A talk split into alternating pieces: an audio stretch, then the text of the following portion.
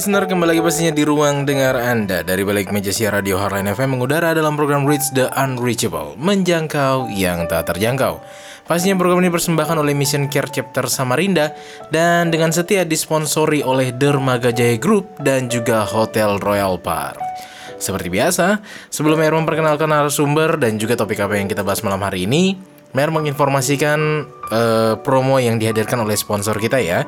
Di mana Hotel Royal Park yang beralamat di Jalan Sentosa nomor 1 Samarinda memberikan fasilitas dengan promo menarik. Get special offer ya karena tentunya banyak promo-promo menarik di setiap bulannya. Pastinya segera reservasi. Informasi boleh di 0541 771 290 dan juga WhatsApp di 0899 1177 377 di 0899 1177 377. Pastinya bersama Hotel Royal Park, enjoy work and stay safe with Hotel Royal Park Samarinda. Ya, dan tentunya di sponsor kedua ada Dermaga Jaya Group yang selalu dengan tagline-nya terbaik One Stop Tire Solution. Menyediakan kebutuhan kendaraan Anda dengan pelayanan terbaik dan menghadirkan produk berkualitas. Dermaga Jaya Group menghadirkan ban terbaik seperti ban Brightstone, Swallow, Sailun, Achilles, Otani, dan Gajah Tunggal. Conveyor belt juga Marine Fender tersedia ya, jadi bagi Anda untuk industri yang membutuhkan conveyor belt dan Marine Fender, Fender pastinya Dermaga Jaya Group menghadirkan produk-produk terbaik dan tentunya dengan perawatan juga terbaik. Vulkanisir Bandek juga ada, Pelk Jansa dan PBI serta Oil Castro untuk industrial. Hadir di Dermaga Jaya Group, One Stop Tire Solution. Informasi dapat menghubungi di 0541 742 426 dan WhatsApp di 0821 5299 1734 di 0821 5299 1734.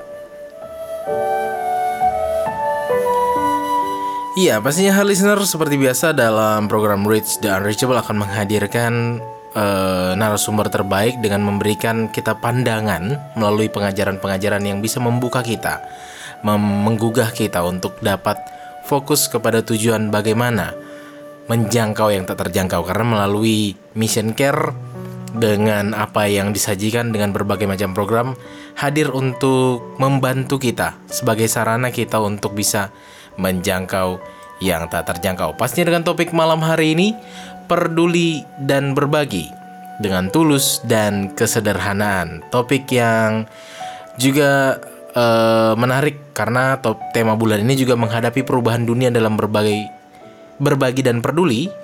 Nah, Sehingga subtopik malam hari ini adalah peduli dan berbagi dengan tulus dan kesederhanaan. Yang diambil dari Matius 6 ayat 1 sampai 4 nanti ya dengan narasumber kita malam hari ini Bapak Yes Timotius Asa sebagai sekretaris 1 Badan Pengurus Pusat Mission Care dan juga sebagai wakil presiden chapter Mission Care Samarinda serta aktivis di berbagai lembaga-lembaga pelayanan. Dan tentunya dengan Pak Yes Asa sudah terhubung di video call via WhatsApp. Shalom, selamat malam Pak Yes. Shalom Mayor dan pendengar yang diberkati Tuhan Hazener. Ya, Selamat malam, salam sehat. iya. Walaupun eh, kita juga lagi dirundung duka cita ini ya Pak ya. Iya, Mm. Dan tentunya di malam hari ini tidak mengurangi niat kita untuk tetap eh, memberikan yang terbaik kepada hal listener terlebih lagi topik malam hari ini. Pastinya kepada Pak Yes sebelum kita memulai rangkaian program malam hari ini, Pak Yes bisa buka kita di dalam doa. pendengar yang diberkati Tuhan, mari kita mengawali siaran malam ini dengan memohon berkat dan pertolongan Tuhan kita berdoa. Ya Tuhan, kami menaikkan pujian syukur limpah terima kasih kepadamu. Karena Tuhan tetap berkarya dalam pelayanan mission care. Sekalipun di minggu ini Tuhan, kami sedang berduka oleh karena Tuhan memanggil salah seorang member yang begitu baik dan begitu peduli dalam pelayanan mission care. Karena itu Tuhan kami Engkau tetap menguatkan kami dan memberkati kami. Biar siaran yang kami lakukan malam ini mendatangkan berkat bagi para pendengar dan kami senantiasa termotivasi untuk berkarya dalam pelayanan untuk kemuliaan Tuhan. Terima kasih Tuhan berkati hamba yang akan menyampaikan kebenaran firman dan ulasan-ulasan pelayanan mission care. Berkati juga Mayor yang akan memandu siaran ini. Dalam nama Tuhan Yesus kami berdoa. Amin. Amin. Ya. Dengan tema yang malam hari ini menarik dan pastinya ada firman di awal ini yang akan Pak Yes sampaikan. Pendengar yang diberkati Tuhan, mari kita melihat satu topik bacaan Hmm. yang saya ambil malam ini dalam Matius pasal 6 ayat 1 sampai 4. Matius pasal 6 ayat 1 sampai ayatnya yang keempat. Firman Allah berkata demikian, Ingatlah jangan kamu melakukan kewajiban agamamu di hadapan orang supaya dilihat mereka. Karena jika demikian kamu tidak beroleh upah dari Bapamu yang di sorga. Jadi apabila engkau memberi sedekah, jangan engkau mencanangkan hal itu seperti yang dilakukan orang munafik di rumah-rumah ibadat dan di lorong-lorong, supaya mereka dipuji orang. Aku berkata kepadamu, sesungguhnya mereka sudah mendapat upahnya. Tetapi jika engkau memberi sedekah, janganlah diketahui tangan kirimu apa yang diperbuat tangan kananmu. Hendaklah sedekahmu itu diberikan dengan tersembunyi, maka Bapamu yang melihat yang tersembunyi akan membalasnya kepadamu. Pendengar yang diberkati Tuhan, malam ini saya ingin berbagi firman Tuhan sebagaimana yang kita telah baca di dalam Matius pasal 6 ayat 1 sampai 4 dilatar belakangi oleh pada hari Senin yang lalu istri pendiri Mission Care Samarinda almarhumah Ibu Eliana Teresia dipanggil Tuhan. Kenapa saya mengambil topik peduli dan berbagi dengan tulus dan kesederhanaan? Ini melihat pada citra diri dari almarhumah yang mendampingi Pak Andres Tiono selaku pendiri Mission Care Samarinda dan saat ini sebagai sekretaris umum Mission Care karena beliau telah melakukan banyak hal bagi pelayanan bahkan hamba-hamba Tuhan. Bukan hanya di Samarinda, tapi hamba-hamba Tuhan yang ada di Mission Care di seluruh Indonesia, di mana beliau almarhumah telah peduli dan berbagi dalam kesederhanaan. Pendengar yang diberkati Tuhan, tentu bagi warga kota Samarinda mengenal dengan toko Haleluya. Toko ini adalah milik keluarga Andres Tiono yang dikelola oleh almarhumah Elina Teresia. Beliau sangat peduli dan beliau begitu banyak berbagi.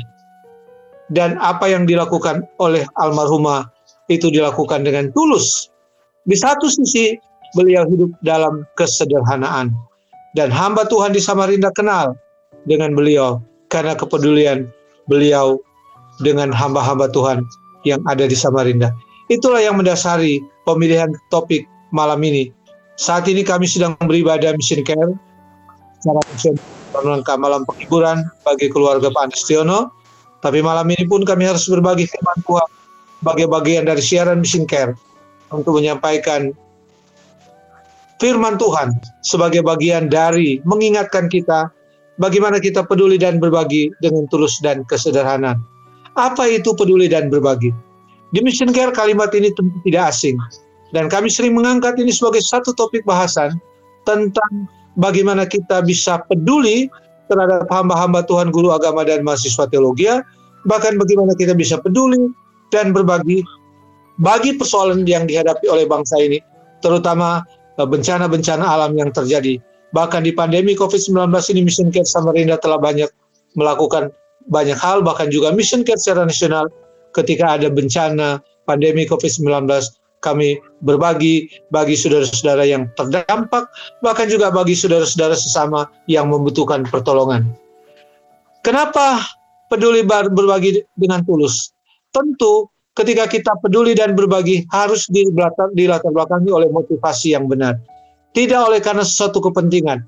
Misalnya memberi untuk mencari kehormatan, memberi untuk dipuja dan dipuji, memberi sebagai suatu kewajiban untuk mendapatkan keselamatan. Tidak, tapi kita melakukan itu dengan tulus karena apa yang kita lakukan itu adalah perintah daripada Tuhan. Dan tentu kita memberi dengan kesederhanaan. Melatar belakangi kehidupan almarhumah Elena Teresa yang begitu sederhana. Bahkan beliau sampai menggunakan barang emas pun saya tidak pernah melihatnya.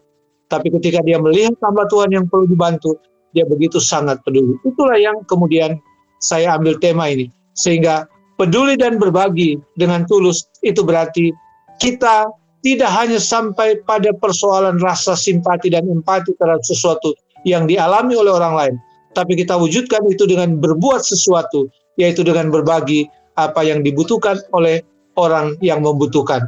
Dan kita harus melakukan itu, tentu tidak dilatar belakangi oleh motivasi yang keliru atau hanya untuk memuji-muji diri, tetapi kita lakukan itu dengan tulus. Dan ketika kita melakukan itu, kita juga harus melakukan dengan kesederhanaan. Dalam arti, kalau kita berbuat mau menolong orang lain, tidak perlu kita harus memamerkan apa yang kita punya, harta yang kita punya, kemewahan yang kita punya. Tetapi kita memberi dengan kesederhanaan. Itu yang saya pilih topik dan itu penjelasan topik malam hari ini. Pendengar yang diberkati Tuhan. Mari kita melihat tentang bacaan kita malam ini hal memberi sedekah. Dalam ayat 1 Tuhan Yesus mengatakan, dan bacaan ini bagian dari Matius pasal bagian dari uh, Matius pasal 5 sampai dengan Matius pasal 7 yaitu khotbah di bukit di mana Yesus memberikan pengajaran-pengajaran kepada orang-orang Yahudi yang kebetulan sedang berkumpul dan mendengarkan khotbahnya. Dan salah satu pengajaran yang diberikan oleh Tuhan Yesus ini itu dalam Matius 6 ayat 1 sampai dengan 4 tentang bagaimana memberi sedekah. Karena pada waktu itu cara hidup orang-orang Yahudi yang melakukan Taurat justru mereka melakukannya tidak dengan benar. Karena ketika mereka melakukan sesuatu yang mereka lakukan dimotivasi oleh supaya mereka dipuja dan dipuji. Karena itu Tuhan Yesus mengingatkan kepada mereka ketika mereka memberi, ketika mereka melakukan sesuatu bagi orang lain, jangan melakukan kewajiban agama di hadapan orang supaya dilihat mereka. Artinya, ketika kita mau berbuat sesuatu, ketika kita mau berbagi, jangan apa yang kita lakukan itu dimotivasi oleh hal yang salah. Misalnya supaya mereka melihat bahwa kita melakukan sesuatu dan motivasi supaya kita dipuji karena mereka melihat. Karena jika demikian dikatakan kamu tidak beroleh upah dari Bapamu yang di sorga. Artinya ketika kita melakukan sesuatu, memberi sesuatu kepada orang lain yang membutuhkan. Dan itu dilatar belakangi supaya kita dihormati, dihargai, kita dipuji, maka kita tidak akan mendapatkan upah dari Bapa di sorga karena kita melakukan itu dengan motivasi yang tidak benar. Ayat 2 mengatakan, jadi apabila engkau memberi sedekah, jangan engkau mencanangkan hal itu. Jadi jangan mencanangkan niat, jangan merencanakan niat ketika kita berbagi dan peduli kepada orang lain supaya kita dihormati, dihargai. Karena ketika kita mencanangkan hal itu, dikatakan seperti yang dilakukan orang munafik di rumah-rumah ibadat dan di lorong-lorong, supaya mereka dipuji orang, aku berkata kepada sesungguhnya mereka sudah mendapat upahnya. Jadi ketika kita melakukan sesuatu tidak dilatar belakangi oleh hal yang tidak benar, tetapi kita memberi dengan ketulusan hati. Dalam Alkitab kita belajar bagaimana seorang janda miskin yang memberi spesial dari segala yang dia miliki dan dia memberi itu dengan ketulusan hati. Walaupun dia miskin, dia tidak punya apa-apa, tapi dia memberi dengan ketulusan hati walaupun hanya sepeser yang diberikan ketika dia masuk dalam rumah ibadat, memberikan persembahan, tapi dia memberikan dengan tulus, bukan supaya dia dipuji dan dipuja, seperti yang dilakukan oleh ahli-ahli Taurat, orang-orang Farisi, bahkan orang-orang Yahudi yang kemudian datang ke rumah Allah. Dikatakan dalam ayat 3, tetapi jika engkau memberi sedekah, janganlah diketahui tangan kirimu apa yang diperbuat tangan kananmu. Hendaklah sedekahmu itu diberikan dengan tersembunyi, maka Bapamu yang melihat tersembunyi akan membalasnya kepadamu. Yang dimaksud di sini bukan kita memberikan sesuatu secara tersembunyi, secara diam-diam. Tetapi yang dimaksud di sini adalah supaya kita memberi tidak dilatar belakangi oleh motivasi yang tidak benar. Sebagaimana teladan yang telah diberikan oleh almarhumah Ibu Eliana Teresia yang selama bersama-sama dengan kami dalam pelayanan begitu banyak melakukan perbuatan baik jadi beliau tidak hanya sebatas pada peduli, tapi beliau berbagi. Dan saya merasakan betul bagaimana beliau begitu memberi perhatian ke hamba-hamba Tuhan. dan secara pribadi kepada saya dan keluarga saya. Saya juga menikmati bagaimana kebaikan eh, Ibu almarhumah Elian Teresa, bagaimana dia kemudian bisa melihat orang-orang yang membutuhkan. Jadi kepeduliannya itu diwujudkannya, walaupun dia sendiri tidak peduli dengan dirinya, walaupun dia tidak menggunakan baju yang mewah, walaupun dia tidak menggunakan barang emas, tetapi yang dia pedulikan adalah orang-orang di sekitarnya yang membutuhkan. Jadi ini hal yang menjadi teladan bagi kami di Care.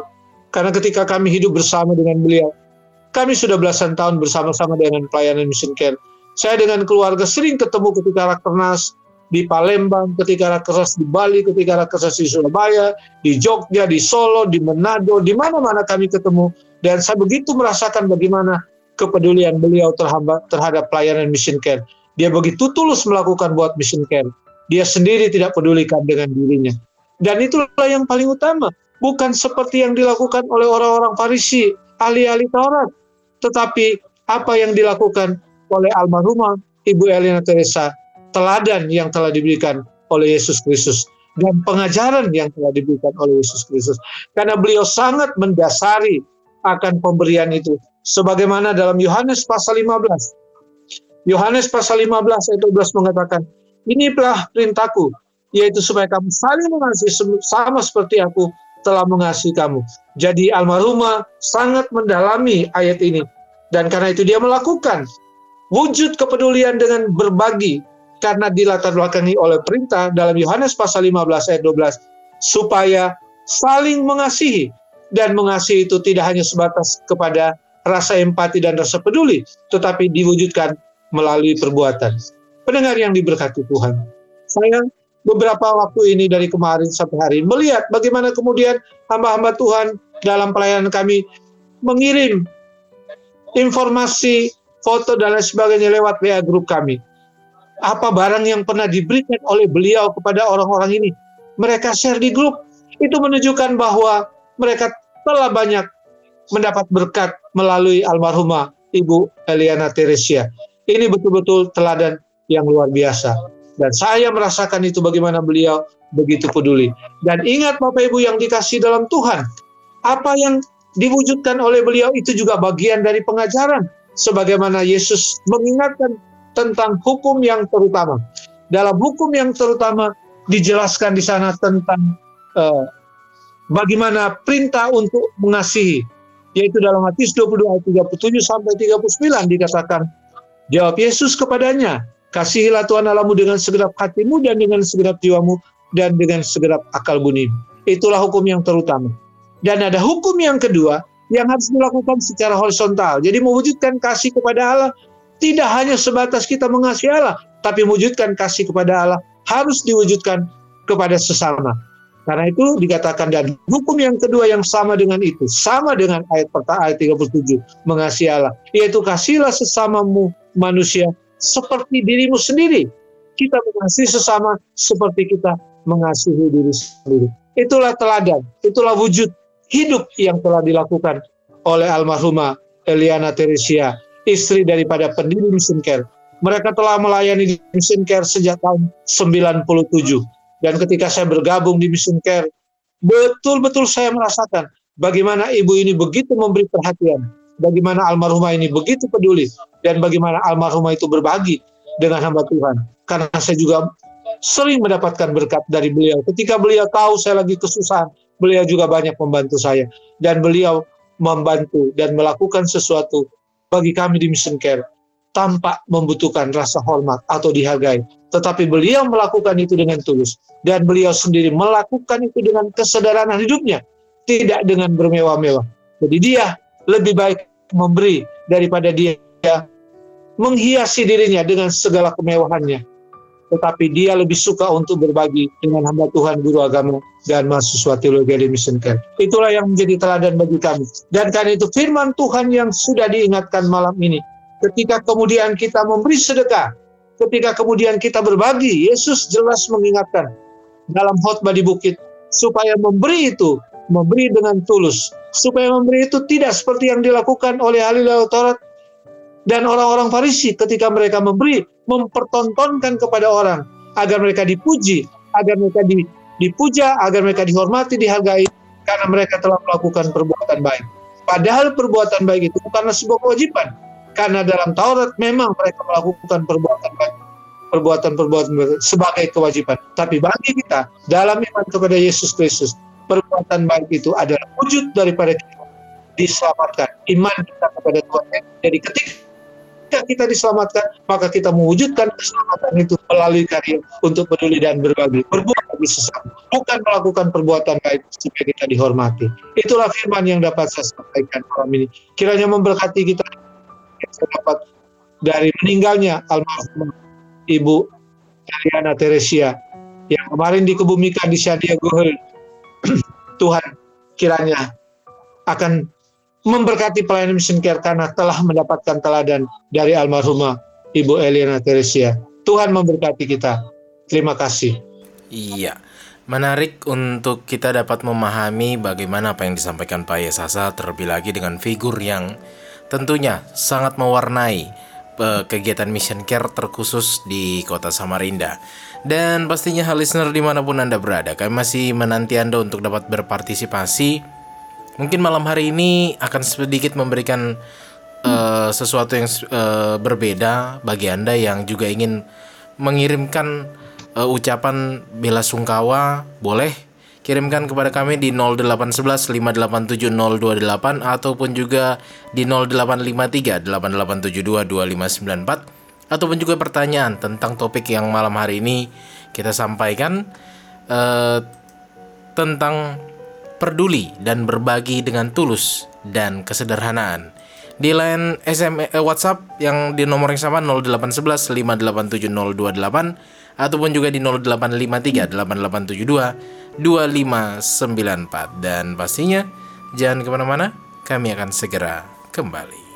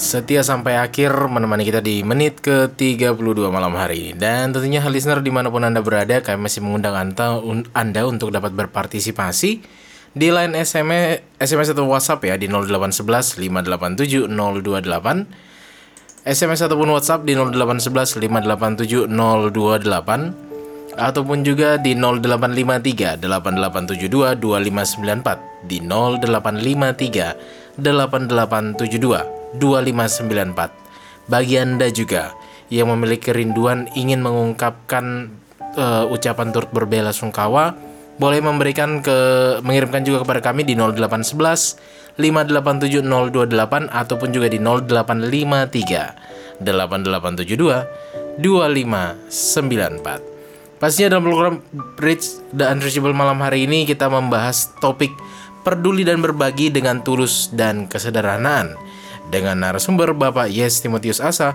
sebagai Sekretaris Satu Badan Pengurus Pusat Mission Care, sebagai Wakil Presiden Chapter Mission Care Chap, eh, Chapter Samarinda, dan juga aktivis di berbagai lembaga-lembaga pelayanan. Dan pastinya eh, Pak Yes dari yang tadi Pak Yes sudah sampaikan, mungkin bisa kembali lagi eh, diungkapkan bagai apa yang dimaksud dari peduli dan berbagi dengan tulus dan kesederhanaan mengingat Bapak Pak Yes juga sudah memunculkan figur eh, ibu yang kita kasihi ini yang tentunya memiliki banyak makna, memiliki banyak eh, pengalaman terlebih lagi Pak Yes. Bagaimana peran beliau? Mungkin Pak Yes bisa sedikit cerita peran beliau di akhir-akhir ini, mengingat kondisi COVID juga sangat berpengaruh dengan kondisi ini, Pak. Silakan, Pak. Pendengar yang diberkati Tuhan, kita memang bisa empati terhadap orang lain. Kita bisa peduli dengan orang lain.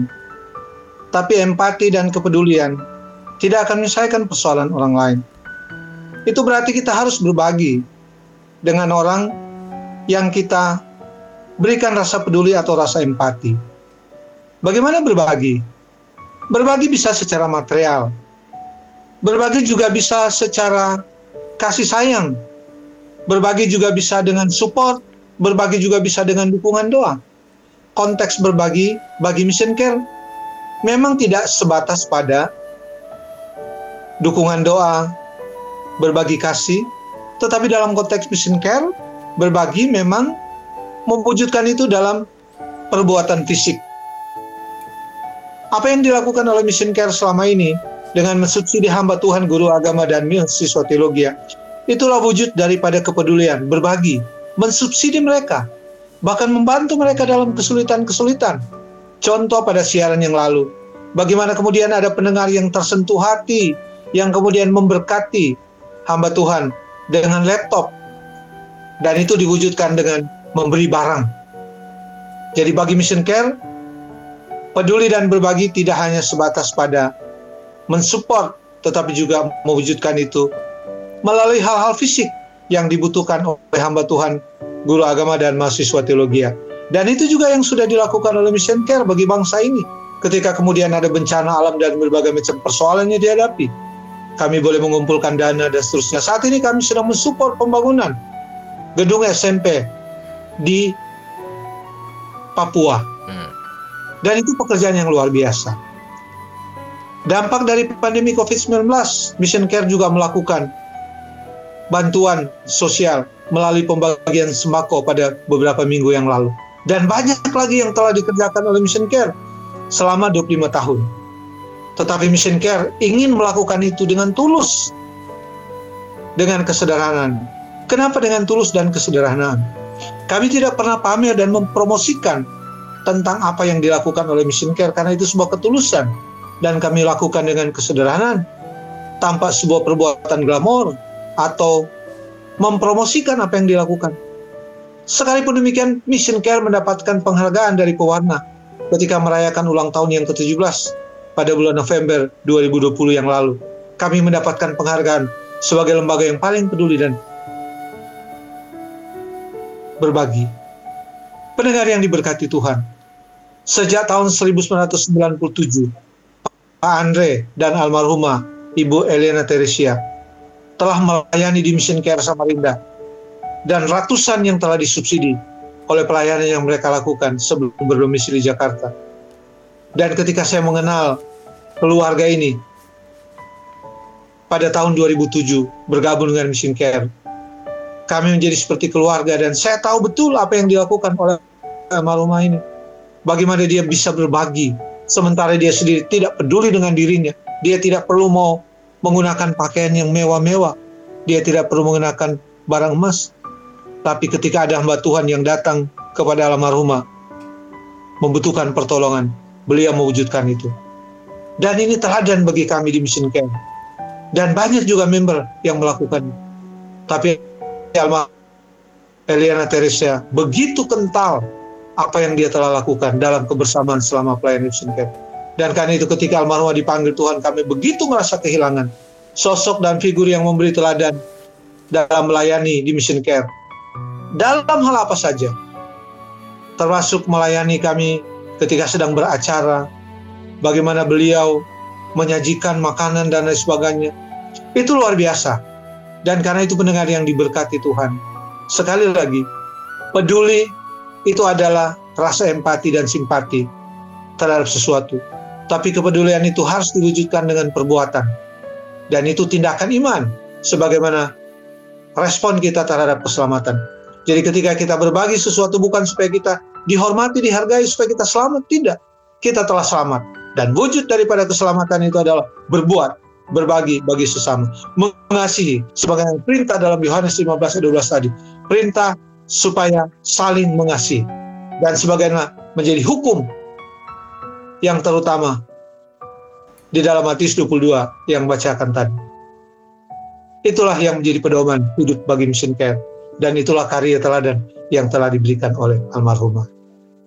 Iya, menarik ya untuk uh, bagi anda listener bagaimana kiprah be, almarhumah uh, menghadapi kondisi mengingat tahun 97 ya Pak mulai didirikannya di mana kondisi hmm, Indonesia iya. juga kurang baik di kondisi seperti itu. Bagaimana uh, dari gambaran yang sudah dilakukan ini masih adakah orang yang seperti keluarga Pak Andri dan berbagai macam lainnya yang terlibat di mission care yang fokus kepada topik firman Tuhan malam ini. Masih adakah orang seperti ini yang dimaksud, Pak? Pendengar yang diberkati Tuhan, hai listener, kalau saya bicara masih adakah, maka saya harus bicara dalam latar belakang organisasi kami, yaitu di Perhimpunan Mitra Misi Indonesia atau Mission Care. Di Mission Care, orang-orang seperti ini masih banyak dan banyak. Di luar sana, saya tidak tahu. Tetapi kalau ada di tengah-tengah kehidupan kita yang tidak memiliki cara hidup seperti ini, maka waktunya kita untuk merubah cara hidup kita. Jadi sekali lagi, ketika kita berbuat baik, tidak dilatar belakangi oleh supaya kita dihormati. Tidak dilatar belakangi oleh sebuah kesombongan. Tidak dilatar belakangi oleh sebuah pujian. Tetapi kita melakukan itu karena ada perintah Yesus dalam Yohanes 15 ayat 12 tadi. Perintah untuk mengasihi.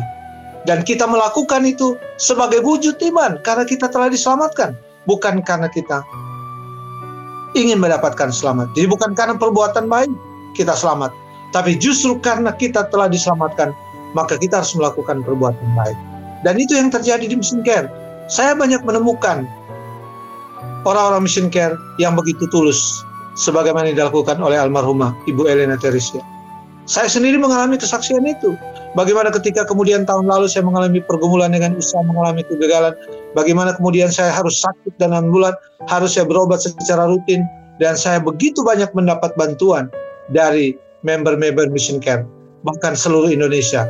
Mereka mensupport, membantu dana karena saya sedang tidak ada usaha, karena saya sedang sakit. Dan saya merasakan ketulusan hati mereka. Bagaimana mereka mau berbuat di dalam pelayanan Mission Care. Jadi di Mission Care, orang-orang seperti ini masih banyak dan sangat banyak. Di luar sana, jika ada orang-orang yang tidak seperti ini, maka waktunya kita untuk berubah cara hidup. Bahwa kita ingin melakukan sesuatu perbuatan karena memang itu adalah panggilan. Karena itu adalah perintah yang diberikan oleh Yesus Kristus. Dan itu adalah wujud iman kita. Saatnya untuk kita berbuat. Saatnya kita untuk berbagi bagi sesama yang membutuhkan. Ingat pendengar yang diberkati Tuhan, harta yang kita miliki di dunia ini tidak akan kita bawa pada kematian kita. Tidak akan kita bawa ke sorga. Harta kita akan tinggalkan. Harta akan membusuk. Harta akan habis. Tetapi ketika harta yang kita miliki kita bagikan bagi mereka yang membutuhkan. Di mission care, mereka yang disebut hamba Tuhan Guru Agama dan mahasiswa teologi. Maka apa yang Tuhan janjikan kepada kita mendapatkan mahkota kemuliaan itu akan betul-betul kita nikmati dalam kehidupan beriman kita. Demikian Mayer.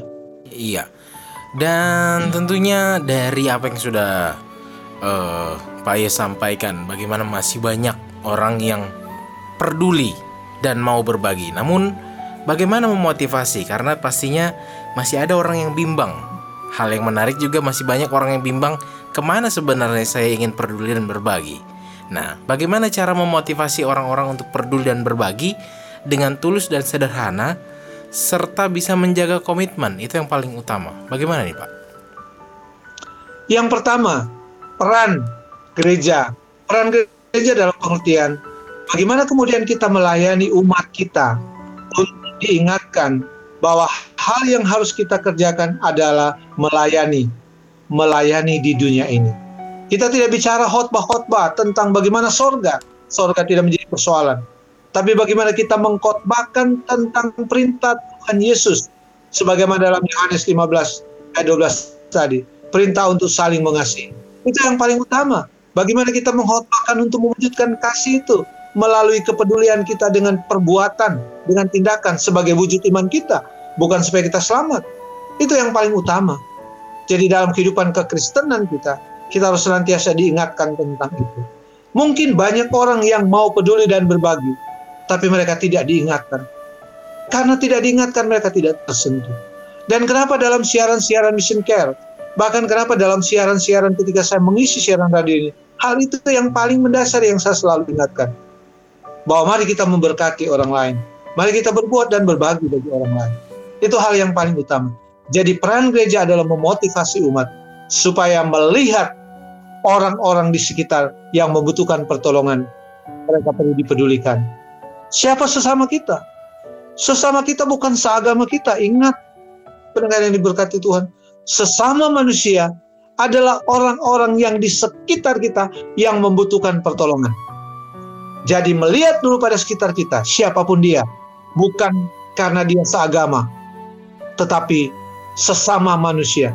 Dan sesama manusia dalam konteks firman Allah adalah mereka yang diciptakan oleh Allah. Karena itu harus dikasih. Tanpa melihat latar belakang agama, latar belakang suku, latar belakang sosial budaya, dan lain sebagainya. Jadi di sekitar kita banyak orang yang peduli, yang ingin membutuhkan bantuan. Mission Care melakukan itu tanpa melihat siapa pun dia. Dan bukti yang dilakukan oleh Mission Care selama ini ketika begitu banyak bencana alam yang terjadi.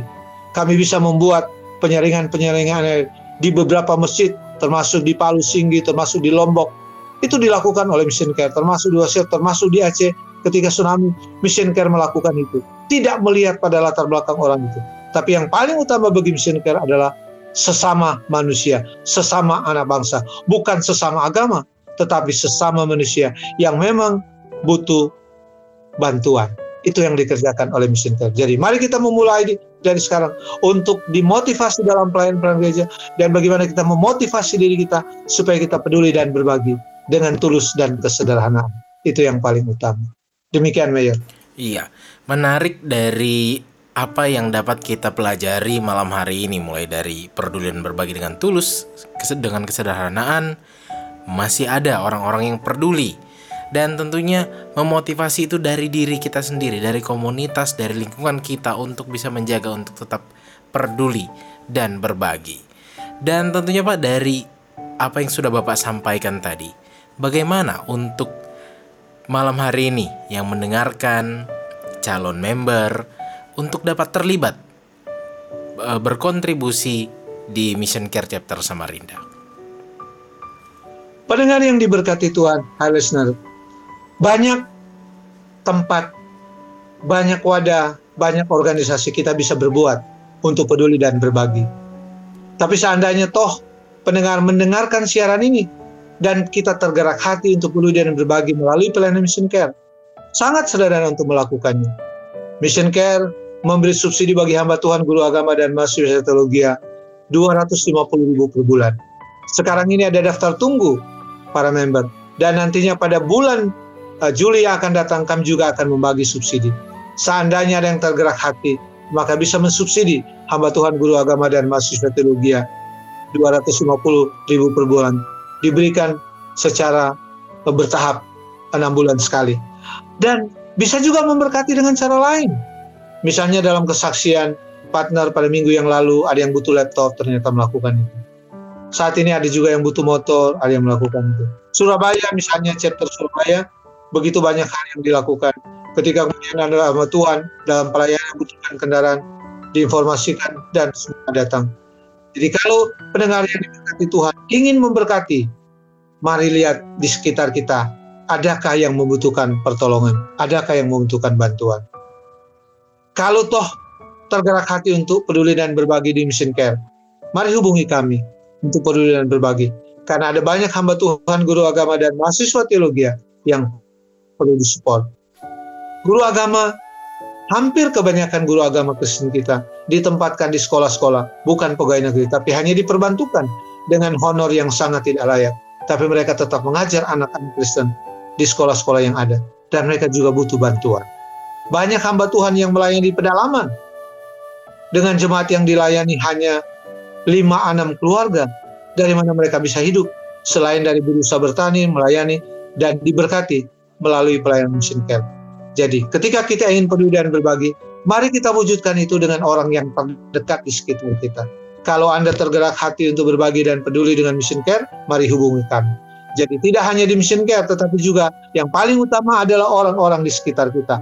Mari kita wujudkan kasih dengan tetangga kita dan dengan sesama kita. Yang mungkin tidak seagama dengan kita. Tapi ketika dia membutuhkan pertolongan, mari kita tolong orang itu. Ketika dia terdampak dengan pandemi COVID-19, maka mari kita bantu orang yang terdampak dengan pandemi COVID-19. Demikian, Mayor. Iya, menarik ya, karena tentunya di mana pun, kapan pun kita bisa berbagi dan peduli. Dan pastinya listener, e, menambahkan informasi yang disampaikan Pak Yesasa bagi Anda yang ingin mengetahui lebih dalam ataupun ingin terlibat bergabung dalam e, member dalam Mission Care dapat menghubungi Bapak Yesasa di 0811 587 028 dengan Bapak Yesasa di 0811 587 028 ataupun juga dengan Bapak Gideon Manurung di 0853 8872 2594 di 0853 8872 2594 dan bisa juga mengunjungi sekretariat kami di toko Haleluya di Mall Lembuswana Samarinda. Di toko Haleluya di Mall Lembuswana Samarinda. Dan tentunya dari apa yang Pak Yes sampaikan tentang topik malam hari ini. Apa harapan dan keinginan mengingat masih banyaknya partner yang daftar tunggu dan tentunya harapan ke depannya karena kita percaya bahwa jika kerinduan eh, jika kita bisa bersatu hati calon-calon member ini bisa fokus kepada tujuan yang sama visi yang sama misi yang sama. Kita percaya bahwa partner daftar tunggu ini bisa memiliki membernya masing-masing. Bagaimana nih pak harapannya ke depan? Ya pendengar yang diberkati Tuhan Mayor informasi komunikasi menjadi sangat penting ya. untuk kita uh, mendekati siapa pun.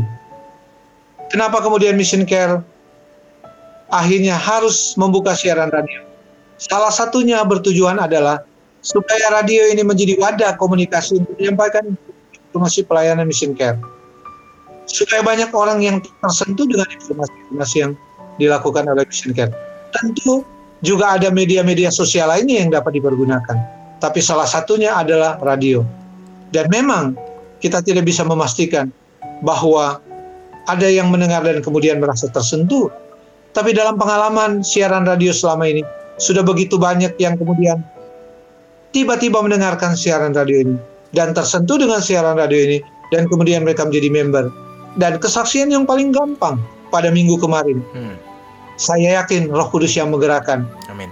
pendengar yang kemudian membuka siaran ketika di jalan membuka siaran radio hotline ini dan tiba-tiba mendengarkan ada kesaksian partner yang membutuhkan laptop. Secara spontan, malam itu pun kami mendapat WA, saya ingin menyumbang laptop. Ini pekerjaan Roh Kudus. Dan karena itu kami mengefektifkan siaran radio ini supaya kemudian pendengar bisa tersentuh dan tergerak hati. Ingat, pendengar yang diberkati Tuhan. Sekali lagi harta kita tidak akan bawa pada kematian hidup kita. Tetapi ketika harta itu kita pergunakan untuk berkati orang lain, maka mahkota kemuliaan tersedia bagi kita. Dan karena itu, upaya-upaya untuk melakukan komunikasi informasi terhadap pelayanan mission care kami lakukan. Walaupun kami tidak pernah dimotivasi untuk supaya mission care terkenal dan dihargai, tidak. Tetapi kami melakukan itu dengan tulus dan kesederhanaan. Dan mission care telah memberkati ribuan hamba Tuhan, guru agama dan mahasiswa teologi di Indonesia ini. Dan mission care telah banyak memberkati begitu banyak bencana alam yang terjadi.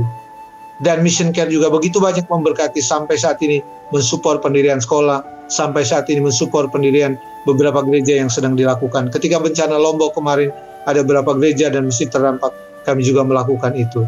Di uh, di NTT juga kemarin ketika bencana kami juga melakukan. Jadi itu yang dilakukan oleh Care dan kiranya pendengar yang mendengarkan siaran ini dapat tergerak hati dan menghubungi nomor kami untuk menjadi bagian dari keluarga besar Care. Demikian Mayor. Iya. Dan pastinya tidak ter- tidak terasa kebersamaan kita berada di penghujung dan tentunya bagi Anda kembali Mayor ingatkan bagi Anda yang ingin mengenal Mission Care dan ingin terlibat dalam Mission Care boleh menghubungi dengan Bapak Yesasa di 0811 5870228 ataupun juga dengan Bapak Gideon Menurung di 0853 8872 2594. Dan tentunya sebelum menutup kita di dalam doa Pak Yes, apa yang menjadi kesimpulan dalam topik kita malam hari ini? Yang pertama, topik ini dilatar belakangi oleh dipanggil pulangnya istri pendiri Mission Care Samarinda almarhumah Ibu Elina Teresia. Beliau begitu setia mendampingi Pak Andres Tiono selaku pendiri Mission Care di Samarinda dan mereka telah berkarya dalam pelayanan Mission Care belasan tahun dan mereka telah banyak memberkati. Bahkan mereka telah per pernah mengirimkan 20-an hamba Tuhan ke Yerusalem, ke Israel pada beberapa tahun yang lalu. Begitu banyak memberkati pelayanan Mission Care. Dan sekali lagi tentu kami merasa kehilangan. Tapi teladan yang ditinggalkan oleh almarhumah Ibu Elena Teresa menjadi teladan dan spirit buat Mission Care untuk melakukan lebih banyak bagi pelayanan di Mission Care. Karena itu panggilan dan perintah daripada Tuhan. Dan ketika kemudian kita bicara tentang peduli dan berbagi, sekali lagi, tidak hanya sebatas pada rasa empati dan simpati, tapi itu harus diwujudkan melalui tindakan dan perbuatan. Dan lakukan itu dengan tulus. Lakukan itu dengan kesederhanaan, bukan oleh karena kesombongan, bukan oleh karena supaya kita dihargai, supaya kita dipuja dan dipuji, tapi kita lakukan itu karena Tuhan menghendaki kita melakukan itu. Dan apa yang kita lakukan itu wujud daripada karya keselamatan yang telah diberikan oleh Yesus Kristus kepada kita melalui pengorbanannya di Golgota. Demikian Mayor. Iya, dan pastinya terima kasih Pak Yes untuk waktunya malam hari ini. Dan tentunya sebelum menutup program ini Pak Yes bisa membawa kita di dalam doa. Pendengar mari kita berdoa. Ya Tuhan malam ini kami bersyukur karena Mayor boleh memandu siaran ini, hamba menyampaikan firman Tuhan dan menjelaskan tentang topik bahasan firman Tuhan malam ini. Tuhan, kami sedang berduka karena Tuhan telah panggil almarhumah Ibu Elina Teresia sebagai bagian dari pelayanan Mission Care yang telah mendirikan Mission Care Samarinda dan yang telah melayani Mission Care dengan ketulusan dan kesederhanaan. Jadikan motivasi buat kami untuk tetap berkarya dalam pelayanan Mission Care. Dan Tuhan juga memberkati setiap pendengar yang setia mendengarkan siaran radio ini. Mereka yang sudah bergumul dengan sakit, mereka yang terdampak oleh pandemi COVID-19. Tuhan juga menolong menyembuhkan mereka. Pergumulan apa pun yang dihadapi oleh para pendengar, kami hanya serahkan ke dalam tangan Tuhan. Bahkan secara khusus malam ini kami berdoa untuk Pak Andres Piono dan Kesia yang saat ini juga sedang bergumul dengan sakit yang mereka alami. Tuhan kasihi keluarga Pak Andre ini. Beri sukacita bagi keluarga besar ini ketika ditinggal oleh istri mama yang terkasih. Dan kami semua di Mission Care juga bertekad hati untuk tetap setia melayani Tuhan. Dan jika ada pendengar yang ingin peduli dan berbagi, maka Tuhan gerakan hati mereka untuk menjadi bagian dari pelayanan Mission Care. Terima kasih Tuhan. Jika ada kekurangan dalam siaran ini kami mohon ampun dan Tuhan akan tetap hadir memberkati setiap pergumulan yang kami hadapi, bahkan memberkati bangsa ini dari pandemi COVID-19. Berikan kesadaran bagi kami sebagai masyarakat untuk patuh pada protokol kesehatan, sehingga pandemi COVID-19 ini dapat segera berlalu. Terima kasih Tuhan, kami serahkan kehidupan kami ke dalam tangan Tuhan, hamba dan mulia senantiasa dalam lindungan dan berkat Tuhan. Dalam nama Tuhan Yesus kami berdoa dan bersyukur. Amin. Amin. Dan tentunya terima kasih Pak Yes untuk waktunya malam hari ini. Dan pastinya kita akan ketemu lagi di minggu depan dalam program-program yang menarik lainnya. Terima kasih listener untuk tetap terus stay tune di program ini dan pastinya dari balik meja siar Radio Harlan FM kami undur diri. Akhir kata keep on growing and never give up. Selamat malam Pak Yes. Selamat malam, Tuhan berkati semua.